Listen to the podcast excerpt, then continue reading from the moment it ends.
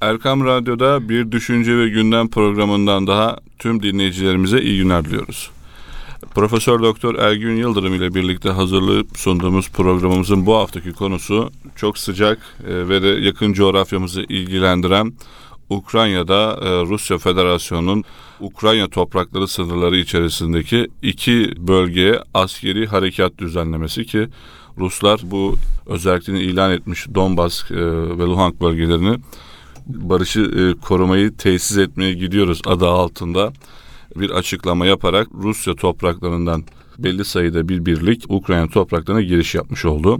Bu bağlamda e, Rusya'nın e, kendi resmi açıklamasına baktığımızda 2014 yılında değerli hocam Gürcistan'ın e, Güney Osatya ve Abazya dediğimiz bölgesine yapmış olduğu yine benzer özellik ve barışı tesis etmeyle ilgili nedenlerle girmiş olduğu metinle aynı metin hocam. Hiçbir şey düzeltme yok. Aynı yöntemi kullanıyor. Aynı yöntemi kullanıyor. Oradaki ayrılıkçıları de, e, destekliyor. Silah, eğit, donat yaparak e, kuvvetlendiriyor bir özellik talebi üzerine barışı tesis ediyorum adı altında Rusya e, müdahalede bulunuyor. Bu bağlamda e, Rusya e, Ukrayna topraklarına fiilen girmiş oldu resmi Bu olarak. Bu şey bir yöntem yani aynı zamanda milis güçler oluşturmak, vekalet evet. savaşları dediğimiz hı hı. son yıllarda çok kullanılan bir yöntem değil mi?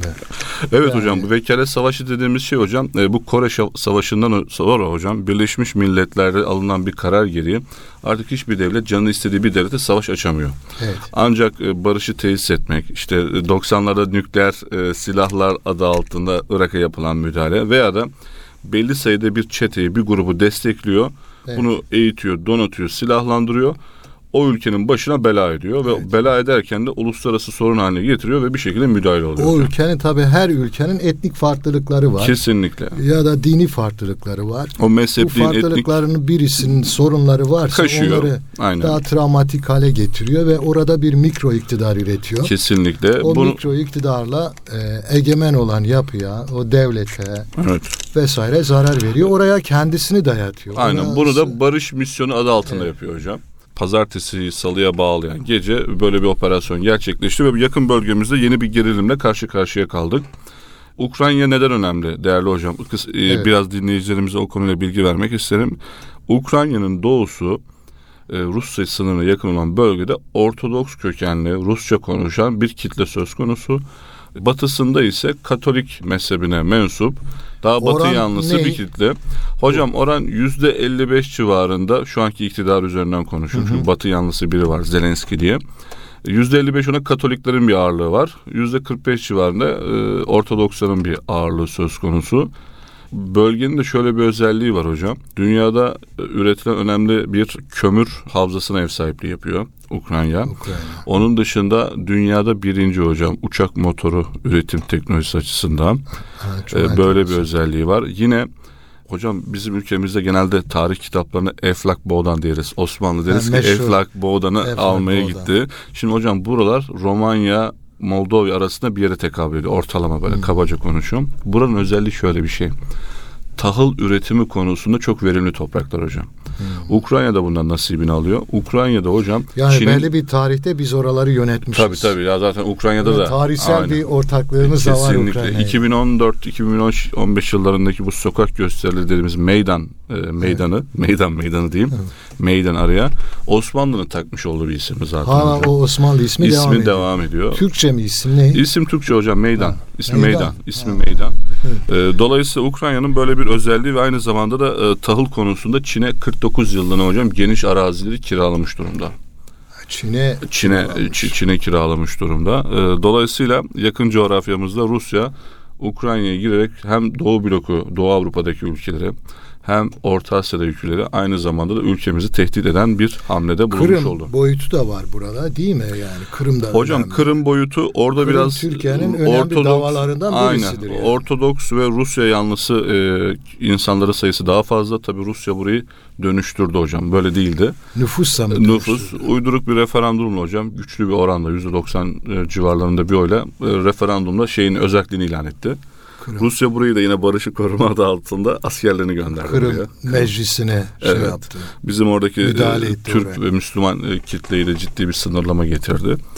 Dolayısıyla Avrupa'yı özellikle e, Fransa ve Almanya çok uğraştı ama başarılı olamadı. Amerika Birleşik Devletleri ve İngiltere'de Rusya'ya çok gel gel yaptılar hocam. Hadi gel neredeyse işgal et diye. Zaten bu e, haberleri onlar duyurdu. Yakın bir dönemde so- soğuk savaş döneminde genç arkadaşlarımız bilmeyebilir. Siz çok yakın hatırlarsınız. Yakın tarih. Sovyetler Afganistan'a girdi. Başarılı olamadı. Ciddi bir para kaybetti. Ve en nihayetinde yıkıldı. Benim biraz böyle bir tahayyülüm var. Belki de beklenti ülkem için biraz e, böyle düşünüyor ol- ol- oluyor da olabilirim ama bunu rasyonel bir temaya da konumlandırabilirsiniz. Sonuçta Rusya Libya'da, Suriye'de bir cephe açmıştı. Yeni bir cephede hemen burnunun dibinde. Hüsamet bu konuyu bir cümleyle analiz et neye dönecek, gelecekle öngörün nedir diye soracak olursanız ben e, Rusya'nın dibinde, sınırında, Ukrayna sınırında kendi Suriye'sini açtığını düşünüyorum. Kendi Suriye'sini evet. olacağını düşünüyorum. Ee, sizler Bu önemli bir şey. Yani bir e, Rusya çünkü o Orta Doğu'ya yerleşmeye başladı. Sınırlarımız evet. da yığınaklar yaptı. İdlib'de, Afrin'de askerlerimize müdahale etti. Zaman zaman bizi desteklese de Amerika söz konusu Askerlerimizi olunca, şehit etti hocam. Askerlerimize evet. Civarında askerlerimiz şehit oldu. bizim Suriye'deki etkinliğimizi e, kırdı ve evet. Esad aslında düşecek hale gelmişken Rusya devreye girdi İran'la beraber bunu değiştirdi. O nedenle aslında Avrupa ile cebelleşmeye yönelmesi, çatışmaya yönelmesi evet. İslam dünyası açısından bir avantaj. Hı hı. Türkiye açısından da bir avantaj. Bu bölgedeki halklar, toplumlar kendi kaderleri üzerinde karar verirken evet. Rusya değil de kendi şartlarında, kendi bölgenin liderleriyle, kendi bölgenin devletleriyle hareket etmeleri daha fazla öne çıkacak. Bu açıdan iyi bir şey aslında. Ben de senin gibi düşünüyorum. Ee, bir hayır var böyle Tabi orada mesela şu çok dikkat çekici bir şey. Hep laik seküler kesimler, ulus devletler mezhepçilik tartışmasını bedelini dine yükletirler. Evet. Dinde işte mezhepler var, mezhep çatışmaları var. Tarihi de mezhep çatışmalarının din yüzünden çıktığını iddia ederler. Ama bugün çağdaş bir dünyada yaşıyoruz. Ulus devletler var, modern devletler var ve bunlar bizzat kendileri mezhep çatışmaları üretiyor. Evet. Çok dikkat çekici ve üzerinde durulmayan bir konu bu bence. Hı hı.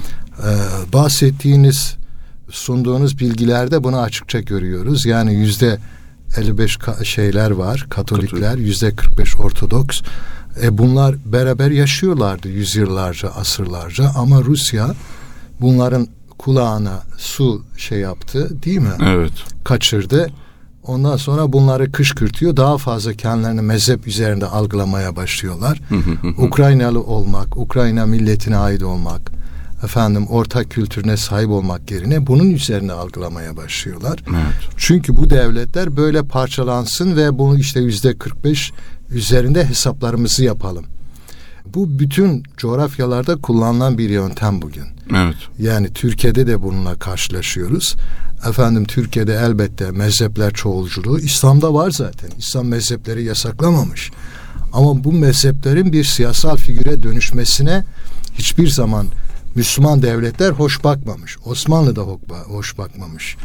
Ee, yani e, bütün dinler var, mezhepler var ama bu mezhepler, dinler, tarikatlar kalkıp silahlanıp politik bir örgütlenmeye yöneldikleri zaman da müdahale etmiştir. Buna hoş bakmamıştır. Şimdi bugün bu kadar Türkiye'nin sekülerleşme sürecinden sonra yeniden mesela Türkiye'de bir mezhep e, karşıtlığı üretme çabası var. Evet. Bunu aslında mezhep mensubiyeti taşıyan insanlar bence yapmıyor. Yani Sunniler bunu yapmıyor. Çoğunluk Sunni ya diyelim evet. Türkiye'de.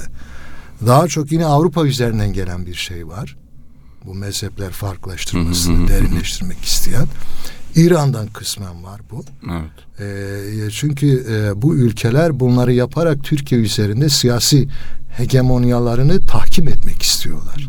Evet. Yani bunlar çok modern olgular. Böyle ortaçağ meselesi değil mezhepler çatışması. Sosyolojide de ya siyaset biliminde de bu mezhepler çatışması orta çağda vardı. Artık modern çağda bitti Şimdi gö- bugünkü... Bunu modern hayata bağlayabileceğim çok taze 5-6 örnek var. Değil Eğer mi? isterseniz yapabilirim. Buyurun. Yani. Amerika Birleşik Devletleri Trump'ı destekleyen kitle dindar muhafazakar evangeliklerdi. Evet. Karşısında e, seküler layık e, küresel e, bir olgu vardı. Mücadele etti. Seçimde kaybetti. Şu anda iktidar olan Biden Amerikan toplumuna desteği yüzde otuzlara düşmüş durumda. Karşısındaki klik daha çok muhafaza, e, muhafazakar prote yani zaten Amerika'nın çoğu protestan da e, çoğu evanjelik, Evanjelik. olguluk, olgular Daha bunları. muhafazakar Tabii. bir protestanlığı savunuyor. Aynen. Yine aynı şekilde e, hemen yakın coğrafyamızda Suriye biliyorsunuz mezhep temelli yine bir e, iç Evet. savaş durumu söz konusu. Yine Rusya yine bir Yani süper güç. Nusayriler var. Evet. Arap Alevisi dediğimiz. Evet. Bu Nusayriler farklı. Bizim Alevi vatandaşlarımız gibi değil. Evet. Bunların bir kısmı Hazreti Ali'ye haşa Rab diyorlar yani. Böyle E, işte olanlar. karşısında muhaliflerinde biliyorsunuz Sünni olguların olduğunu görüyoruz. Yine diğer bir süper güç dün akşam gerçekleşen, e, pazartesi akşamı gerçekleşen vakada Rusya'nın tabii ki tek bir etken mezhep değil. Birçok olgu var. Elbette. Jeostratejik konular var ama e, bu mezhep gerilimi var. İşgalden önce, Rusya işgal etmeden önce Putin bir açıklama yaptı. Ee, Ukrayna topraklarını tarihsel e, olarak bir bağının olduğunu ve oraya e, şey oldu e, Rusya'nın bir parçası olduğunu açıkladı. Türkiye'de sosyal medya hemen ayaklandı. O zaman bizim de Kerkük'te, Musul'da Tabii. haklarımız var. Halep'te haklarımız Kerkük var. Musul değil Rusya'ya verilecek cevapta bizim de Kırım'da haklarımız var. Evet yani e, Bizim bu- de Balkanlarda haklarımız Tam var. olarak bu ironik konu Evet. dün pazartesi akşamı Türk sosyal medya platformlarında birinci sıraya yerleşti bu konu. Dolayısıyla bu din mezhep konuları uluslararası ilişkiler, jeostratejik konularda bile belirleyici bir özelliğe sahip. Elbette ki tek etken değil, birçok etken var ama e, büyük motivasyon, toplumu savaşa ikna eden motivasyon daha çok buradan çıktığını görüyoruz. evet.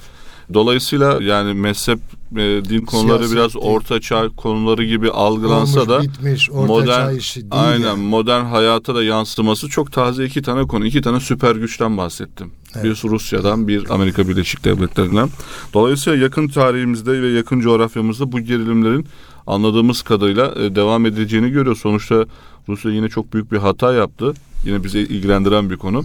Slavları da karşısına almış oluyor bu sefer. Yani daha önce Balkanlarda Evet. Müslüman e, Osmanlı'yla savaşıyordu. Şimdi motivasyonda bakıyorsunuz Katolik Hırvatlar var artık sahada. Yine bunları destekleyen Amerikalıların olduğunu görüyoruz. E, Slavların bu sefer e, hamisi olan e, Ruslar. e, Katolik Slavlar mı bunlar? bunlar işte, işte değişiyor işte. Şimdi e, etnik Ama Slavlar çoğunlukla Slav Ortodoks. bunlar. Tabii Slavların çoğu Ortodoks da şöyle bir durum var. Şimdi siz bir ülkenin toprak bütünlüğünü bozuyorsunuz. Yani bu egemenliğine helal getiriyorsunuz. Türkiye'de İstanbul'daki Ortodoks ekümen olarak algılanan Hristiyanlar tarafından, Ortodokslar tarafından Bartemelos'un e, manevi liderliğini yaptığı, dini liderliğini yaptığı. Onlar ABD'ye daha yakın. ABD Avrupa'ya daha yakın. Aynen. aynen. Rusya'ya yakın değiller. Yani dolayısıyla e, Balkanlardaki Slav temelli o etnik e, birliktelikleri biliyorsunuz bir imparatorluk bizim imparatorluğumuz olan Osmanlı'yı parçaladı e, milliyetçilik temelinde. Dolayısıyla Rusya aynı zamanda buradaki argümanda boşa çıkartacak bir hamlede bulunmuş oldu. E, yapmış olduğu e, bu askeri harekatla diyelim. Ya tarihte tabii Rusya e, yerinde durmayan bir şey, bir irade. Yani savaş. May birinci e, amaç edilmiş bir toplum. Aristoteles bunlara şey diyor, avcı toplumlar diyor. El koyan, savaşan, kuzeyden gelenler diye tarihte geçer bunlar. Bunlar parçalandıkları zaman problem yok ama bir imparatorluk, merkezi bir siyasi güce dönüştükleri zaman ciddi problemlere dönüşüyorlar. İşte ya Avrupa'nın içlerine doğru inmeye başlıyorlar ya İslam dünyası üzerinde Afganistan, Orta Doğu'ya inmeye başlıyor. Evet. Yani Sovyetler Birliği döneminde de görüyoruz bunu. Hı hı hı. Yani İkinci Dünya Savaşı döneminde 70'lerde Orta Doğu'ya sarkmaları ee, Cemal Abdülnasır ve diğer işte Arap Nasyonal Sosyalizminin buradan ilham alması gibi şeylerde de karşımıza çıkıyor. Evet.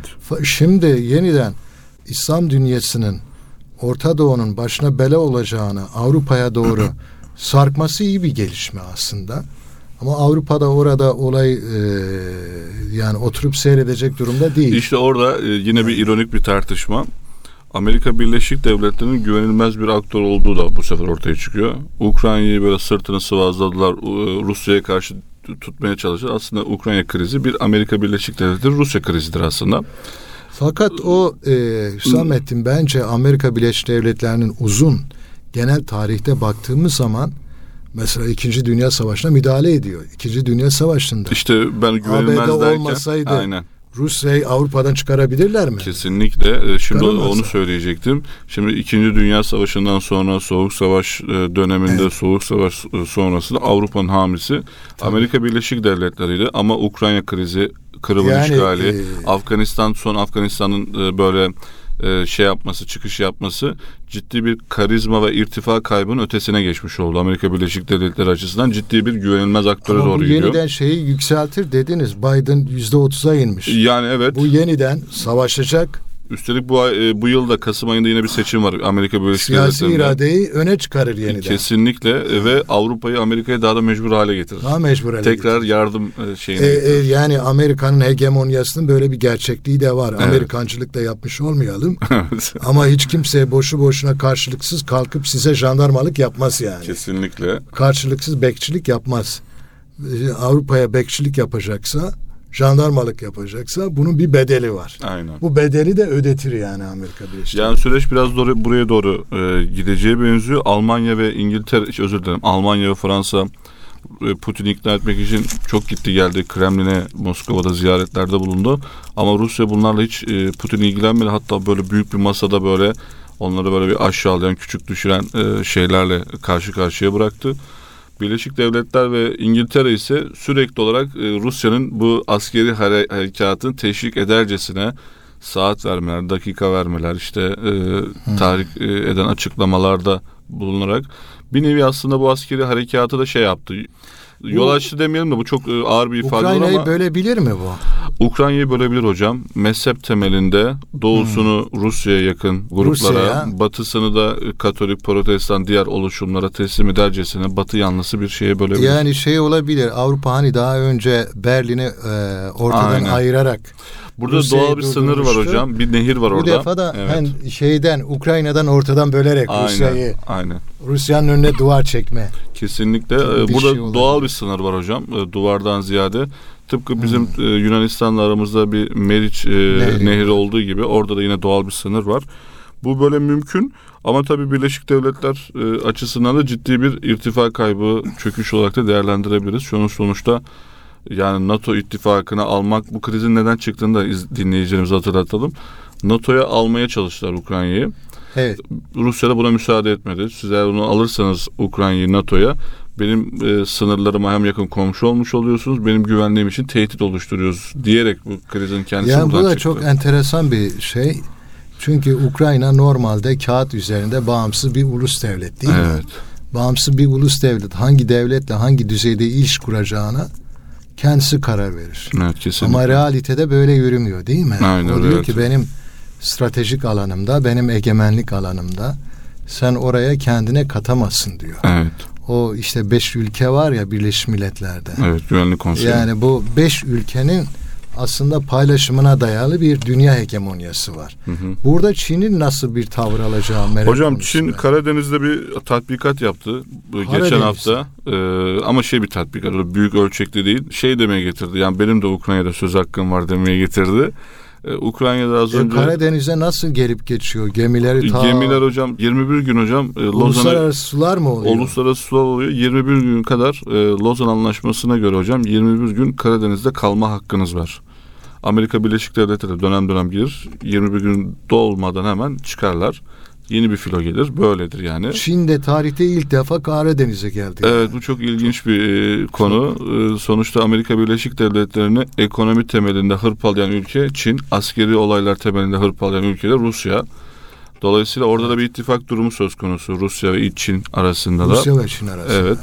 Dolayısıyla Birleşik Devletler ekonomik bir şey, eski ekonomik şeyini değil, gücüne değil bir randıman kaybı söz konusu. Bir irtifa kaybı diyebiliriz artık nasıl tanımlıyorsak ama çok net bir şekilde Rusya'nın psikolojik açıdan şu anda ciddi bir üstünlüğü var. Dünya siyaseti açısından söylüyorum.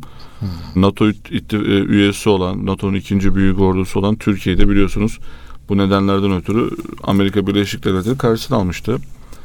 Dolayısıyla önümüzdeki günler Doğu Avrupa için e, oldukça sancılı geçecektir. Türkiye açısından da ya az siz çok güzel bir girisiyahta bulundunuz. Yani bu Suriye meselesinden ötürü ciddi şekilde Rusya'ya bir yaslanma durumu söz konusuydu. Açıkçası Libya'da, Suriye'de ciddi canımızı sıkıyordu. Ya Esad bugün varsa Suriye'de sebebi Rusya'dır hocam. E tabi. Dolayısıyla Rusya'nın biraz kendi yakın coğrafyasında bu krizi oraya taşınması bu dinleyicilerimiz beni adım insan atmaya iter mi? Yani iter mi? Aslında. O biraz büyük bir makro Çünkü resim Türkiye olup. şeyle de yakınlaştı. Yani Körfez ülkeleriyle yakınlaşıyor. Evet. evet. İsrail'le yakınlaşıyor. Yani Türkiye artık sadece Türklerden oluşan bir algı içinde yer almayacak. Evet yani Araplarla da beraber olan bir Türkiye olacak. Çünkü şimdiye kadar onu kullanıyorlardı. Ya bu evet. Türkiye e, bütün Arap devletleriyle Hı-hı. kavgalı zaten bu Türkler sadece Türkleri temsil eder gibi bir algı vardı. Şimdi Türkiye onu aşıyor yani. Yani hocam e, bununla ilgili iki tane şey olayı vardı. E, 24 saat içinde gerçekleşti. Yani geçen Hı. ayda 24 saat içinde iki tane olay gerçekleşti. Bir tanesi Amerika Birleşik Devletleri'nde yürüyen bir Halkbank davası askıya alındı. Ha. Diğeri de hocam İsrail'den çıkan doğalgaz boru hattı projesi ha. Güney Kıbrıs Rum Kilisi ve Yunanistan üzerinden Avrupa'ya taşınacaktı. Bu proje Amerika Birleşik Devletleri rentable yani verimliliği zayıf Görüm, diye evet, desteğini evet. geri çekti. Bu 24 evet. saat içinde olacak bu olaylar. Dolayısıyla Çok önemli çünkü doğalgaz biliyorsun doğalgazla tehdit ediyor Putin zaten Avrupa'yı. Aynen öyle. Ee, o doğalgazın Türkiye üzerinden geçişi durumu söz konusu. Dolayısıyla bu denklem içerisinde aynı e, ay içerisinde hatta bu aya da taşındı. E, Sayın Cumhurbaşkanı Tayyip Erdoğan Birleşik Arap Emirlikleri ve diğer Körfez ülkelerine bir takım ziyaretlerde bulundu. İbrahim Kalın da şeye gitti. İsrail'e gitti. İsrail'e gitti. Aynen ve Mart ayında da İsrail e, Başbakanı Türkiye ziyareti var Herzog'un.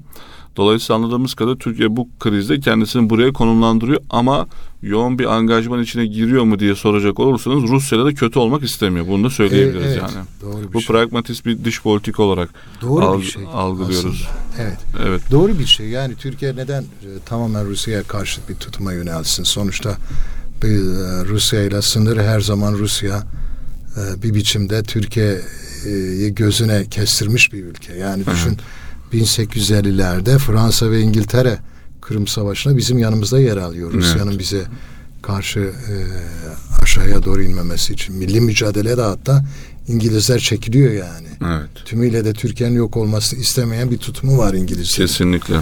Dolayısıyla yakın coğrafyamızda hocam biraz makro bakacak olursak Batı'da Fransa'ya kadar güçlü bir ordu kalmadı. Doğuda Pakistan, Hindistan'a kadar işte İran var ama o ordunun da durumu ortada. Güçlü bir ordu kalmadı. Güneyimizden aşağı doğru gittiğimizde Mısır'a kadar düzenli bir ordudan bahsetmek güç. Ee, ciddi bir boşluk var hatta. Kuzeyde bir tek Rusya tehdidi var. Dolayısıyla biraz güç kaybı e, Türkiye'nin de milli politikası açısından bence e, faydalı e, olur diye düşünüyorum. bu FETÖ olayıyla epey bir şey oldu tabii sarsıldı. Evet. Ama inşallah yeniden kendini toparlamıştır. Toparladı hocam. Üç tane büyük e, e, askeri hareket yaptık yani. E, Afrin'e, Cerablus'a ve son Tel Abyad e, Suriye'nin Onlar da kuzeyine. çok önemli bence. Çünkü Türk ordusu gereksiz bir biçimde iç siyasetle ilgili hale getirilmişti. Evet. Bu iç siyasetle cebelleşirken aslında bölgesine karşı madem ki bir e, niceliksel büyüklük var, muhteva açısından da büyük olması gerekir. Evet. Daha operasyonel bir ordu olması lazım. Bu iç siyasetle uğraşan, cebelleşen, meşgul olan e, bir ufuka sahip olan bir, bir ordu da bir türlü olamıyordu bence. 15 Temmuz'dan sonra belki en hayırlı gelişme bu oldu. Yani Türk ordusu biraz kendi kabuğundan çıktı. İç siyasetle uğraşmaktan çıktı. Daha ofansif bir evet, pozisyona evrildi. E, kendi çevresindeki ülkelerle, gelişmelerle, güvenlik meseleleriyle ilgilenmeye başladı. Hı hı. Ee, Şu krizle ilgili bir şey söyleyip evet. hocam diğer bir konuya geçelim. Evet. Bu krizin bize şöyle bir yansıması olabilir. Malumunuz doğalgaz fiyatları e, ülkemizde herkesin eleştiri konusu haline geldi. E, şu anda varil petrolün varil fiyatı 90 dolar civarında. Yine doğalgazda da bir artış söz konusu. E, bu krizden ötürü işte Rusya'da biliyorsunuz dünyada ana e, üretici ülkelerden biri. Bir artış yaşanması muhtemel gözüküyor. Hmm. E, yani ben yıl sonu gibi düşünüyordum ama anladığım kadarıyla bahar sonuna doğru bir 100 doları ama geçer gibime geçiyor şey diye var, düşünüyorum pardon. E, yani Doğu Akdeniz doğal gazı e, çıkarılır ve Türkiye üzerinde Avrupa'ya aktarılırsa bu doğalgaz fiyatlarını da biraz düşür, düşürmez mi? Hocam işte o çıkarılırsa Putin'e dediğimiz şey birkaç yıl aldığı gelmez. için hemen olmuyor. Öyle mi? Şimdi teknoloji çok gelişmiş yani. Hani bir yılda bile yapabilirler belki. Yani şu anda yayını dinleyen dinleyiciler yani. açısından boyun faturasıyla karşılaşıldığı için yani evet. oradaki çıkacak gazın yani tut mutlaka jeostratejik açıdan makro açıdan bir faydası kazanımı var ama mevcut durumla ilgili Hı. pek bir katkısı olacağını bilakis biraz da artış yani olacağını çok kısa vadeden katkısı olmaz diyorsun. Yani evet. Birkaç sene sürer. Sonuçta diyorsun. oradaki şeyin çıkması belli bir zaman alıyor hocam. Ee, dolayısıyla Türkiye bu... orada pek petrol bulamadı mı şey doğal gaz? Nerede hocam? Yani bu Doğu Akdeniz hocam, daha çok İsrail, Mısır o ülkelerin hocam o konu biraz bizim medyamızda çıktı. çok e, nitelikli tartışılmıyor. E, Doğu Akdeniz'deki mesele petrol doğal gazdan ziyade kaya gazı dediğimiz bir enerji türevi var hocam bu. Ha. Bu kaya gazı doğal gazdan daha verimli. Çıkartılması zor ama daha verimli ve ha. taşınması çok kolay. En önemlisi taşınması hocam. Biliyorsunuz ha. bir petrol ve doğal gazı atıyorum ikimizi bir ülke kabul edelim. Benim size bunu gönderebilmem için boru hattı inşa etmem gerekiyor ya da sıvılaştırılmış halde tankerlerle götürmem lazım. E şimdi hükümetler değişiyor, ideolojiler değişiyor, karşı çıkan oluyor, destekli oluyor. Ülkenin sınırları değişiyor. Yani darbe oluyor, suikastlar oluyor, ciddi bir maliyet. Şimdi bu kaya gazı dediğiniz şeyde hocam bunu şey haline getiriyorsunuz işte teknolojik anlamda e, bir takım dokunuşlarla konteyner konteynerların içine sokabiliyorsunuz hocam bunu. Böyle taşıtabiliyorsunuz. Yani taşınması ha. bu anlamda kolay. Tabii bunun da hocam çevre sıkıntılarından falan yol açan problemleri var. Ha. Ama bugün Amerikan ekonomisine çok ciddi bir katkısı oldu. Yüzde 30-35 civarında Amerika evet. Birleşik Devletleri enerji ihtiyacını karşılıyor kaya gazı. Çok büyük bir. Bu Libya'daki mesele de hocam petrol doğalgaz meselesi değil özünde. Hani o, bu da yeni, kaya gazı. o da kaya gazı meselesi hocam. Evet. Bizim ülkemizde bu Güneydoğu'da hatırlar mısınız? Hendek terörü vardı hocam. Hı hı. Hocam bu hendek terörün çıktığı isyanların, silahlı isyanların çıktığı yerler de yine bu enerji türevlerinin olduğu yerlerde aslında. Biz bunu hep asayiş ve iç siyaset üzerinden okuduk ama PKK orada yani PKK terör örgütü uluslararası istihbarat servislerinin ve yabancı ülkelerin taşeronluğunu aldı orada. Ya çok şükür başarılı olmadı. Allah ordumuza, polisimize zeval vermesin. Ama böyle bir realite var. Evet. Ee, diğer bir konuya geçelim. Değerli dinleyiciler, e, tabii biraz uluslararası ilişkiler temeline e, gittik. E, gündemle de kendimizi alamadık. Allah bir nefes vermiş biz de kendimizi tutamadık. Ee, sıcak yine bir konulardan e, yine tartışılan bir konulardan biri hocam. E, Popstarı Tarkan'ın Geçecek isimli bir şarkı çıkarmasıyla e, Türkiye'de siyaset özellikle buraya odaklandı. Geçecek şarkısında Tarkan işte ben bunu siyasi bir nedenlerle yapmadım dese de konu hem iktidar partisinin hem muhalefet partilerin ana gündemi haline e, geldi. Daha önce de biliyorsunuz Belki biraz bir, müzik siyaset ilişkisi üzerine konuşmak. Aynen. Daha önce de biliyorsunuz Sezen Aksu'nun benzer evet. bir e, yazmış olduğu bir şarkısı böyle gündem oldu. Bu konuyla ilgili neler söylemek istersiniz? Evet. Bir defa zaman zaman tabii Türkiye'de şarkılar çok politikleşebiliyor. Bu bazen şarkıların niteliğinden kaynaklanan bir şey. Bazen de o Türkiye'nin içinden geçtiği konjöktürle yakından ilişkili. Evet. Mesela 1970'ler Türkiye çok fazla siyasi olarak kutuplaşmıştı. Dolayısıyla şarkılar çoğunlukla politik kutuplaşmayla bütünleşerek e, e, sahneleniyordu. Yani o dönemde efendim Cem Karaca, efendim Barış Manço, e, işte Cem Karaca'yı şeyler solcular dinler. Efendim Barış Manço'yu sağcılar dinler. Evet. Ondan sonra bunun gibi bir şey vardı çok yoğun bir bir şekilde politik. Hı hı. Daha sonra mesela Ahmet Kaya 80'lerde Ahmet Kaya da e, ilk çıktığında çok ciddi anlamda politik bir müzik olarak ortaya çıktı. İşkencehanelerden bahsediyor, devrimden bahsediyor, yorgun demokrattan bahsediyor. Evet. Sol e, siyasetin, sol grupların yaşadığı sorunları müzikle anlatan bir tarz keşfetmişti Ahmet Kaya hapishaneler, işkencehaneler vesaire. O, 12 e, Eylül'de Türk toplumunun bunu yaşadı yani. Yani Çok, e, şey Amerika'yı değil başka isimler de var. Cem Karacalar e, falan da var. Evet. Arkasından tabii bu farklılaştı. Daha pop e, pop müziği doğdu. Daha e, yükselmeye başladı fazlaca hem de apolitik olan e, popüler müzik. Sezen Aksu da o dönemlerde ortaya çıkmıştı. Biz üniversiteyi okuduğumuz yıllarda Yani biz diyelim protest bir siyasi kimliğe sahiptik İslami kesimde.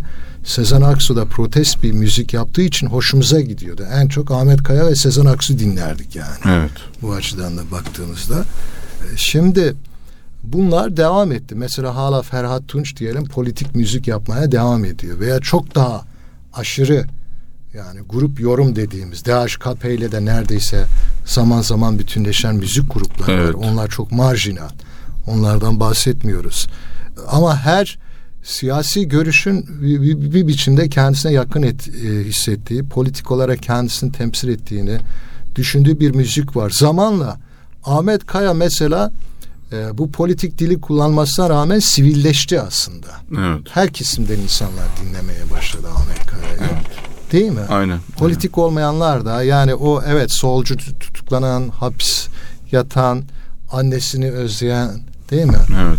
Ee, solcuyu anlatıyor ama onu insani olarak anlatıyor. İnsanlar da onu insani yönüyle anladılar. İşte Selda Bağcan da bunlardan Ee, biriydi. Selda Bağcan aynı Evet. şekilde. Siyasete girdi ama o tarafı da yine güçlü olan Zülfü Evet. Livaneli var.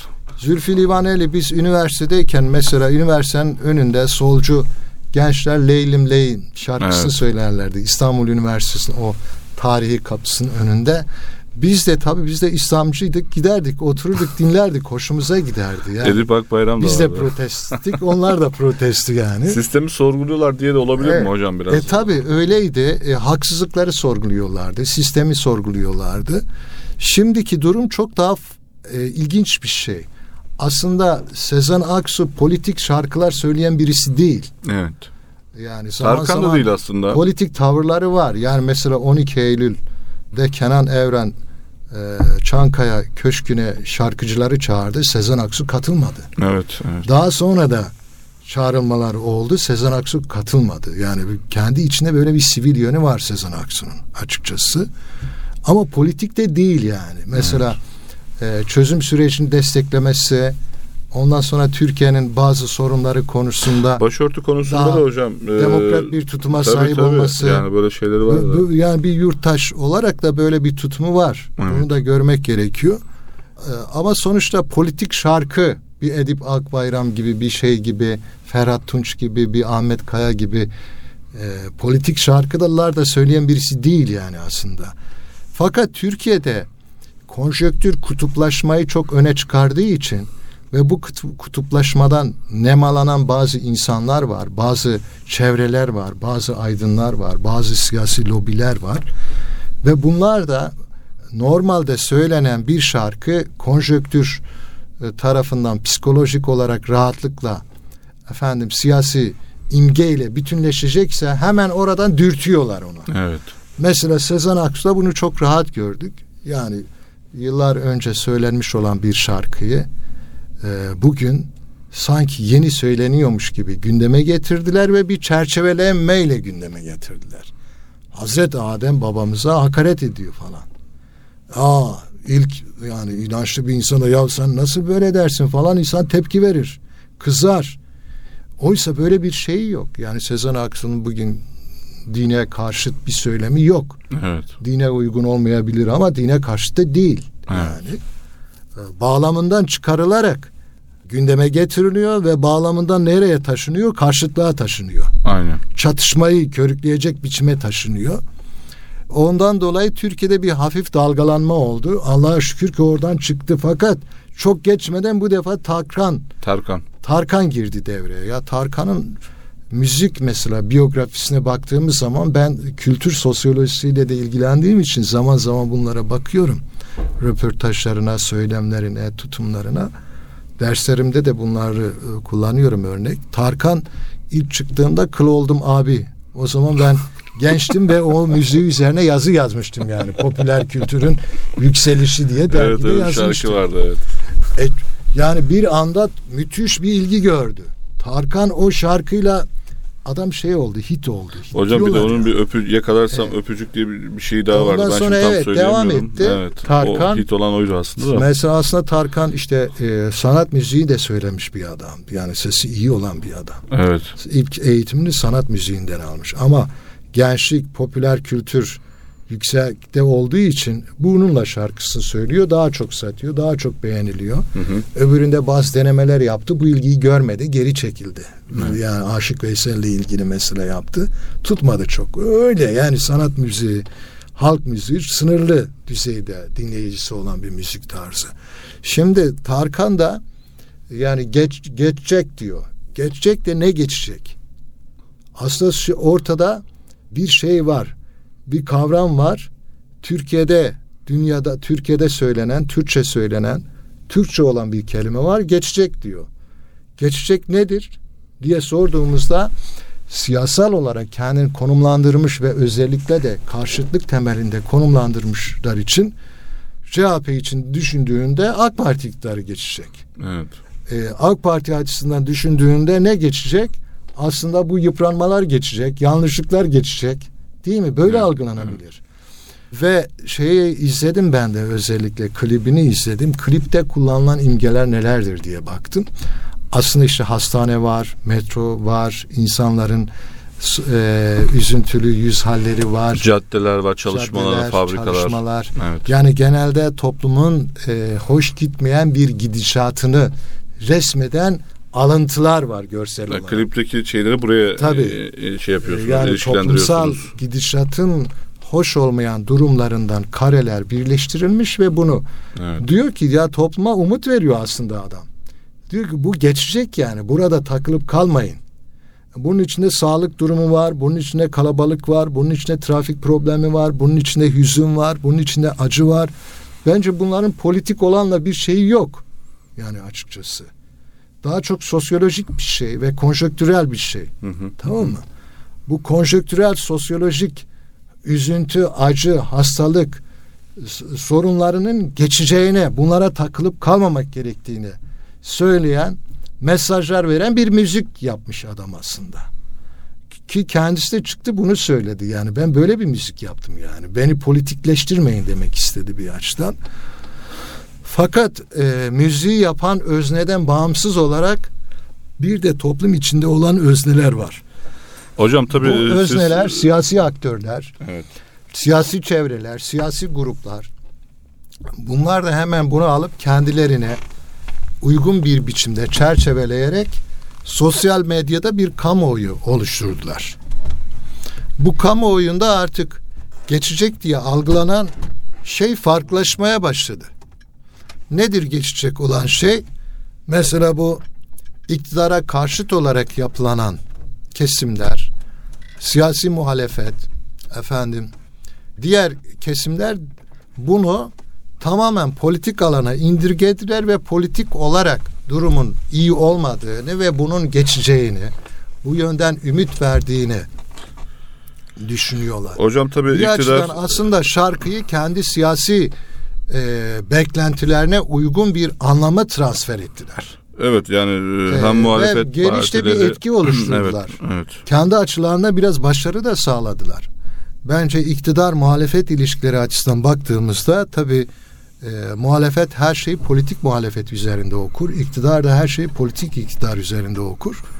E, daha serin kanlı bakmak yerine bir muhalefetin ürettiği yeniden ürettiği müzik imgesini evet. e, iktidar da onların ürettiği biçimiyle algılayarak büyük tepki gösterdi. O zaman burada bir iktidar aslında burada şeye düştü biraz tuzağa, tuzağa düştü. düştü? Yani. Evet. O zaman burada e, demek e, şarkıcının yapmış olduğu o herkesin vurguladığı geçecek kelimesiyle iktidar aynı zamanda ülkemizde yaşanan e, sosyal ve ekonomik durumla ilgili kendi üzerine Tabii. bir şey yaptı. Bir Covid var, pahalılık evet, var, trafik var. Bunun üzerinden muhalif bir, bir çizgi olduğunu, muhalif bir tutum olduğunu düşündü. Muhalefet de bu şarkı yani geçecek kelimesi üzerinden iktidarın aslında yönetimi e, bırakacağı ile ilgili bir e, şey aldı kendine algı aldı ve bunlar evet. çarpıştı. Şu anda ülkemizde sadece Gerçi bu konuşuluyor. vazgeçti sonra iktidar. Onu sürdürmeye devam etmedi yani. O da evet. akıllıca bir şey bence. Tabii ki ya bir sanatçı da sonuçta bir yurttaştır. Evet. Siyasi bir takım ifadeleri, mesajları olabilir. Türkiye'nin buna da alışması gerekir aslında. Tarkan'ın da siyasi görüşleri olabilir. Bunları şarkılarında yansıtabilir. Yeter ki bunu şey yapmasın. Çatışma ya davet edici olmasın. Öyle bir şey de Şiddete davet edici olmasın. bugüne kadar Böyle bir şey yapmış de yok yani. şeylerinde Evet. de yok görülmüyor Evet. zaten. Değerli hocam e, çok teşekkür ediyorum yorumlarınız için. Değerli dinleyiciler bu hafta da bize ayrılan sürenin sonuna geldik. Bir başka konu, bir başka gündemde görüşmek dileğiyle. Hoşçakalın, sağlıklı kalın.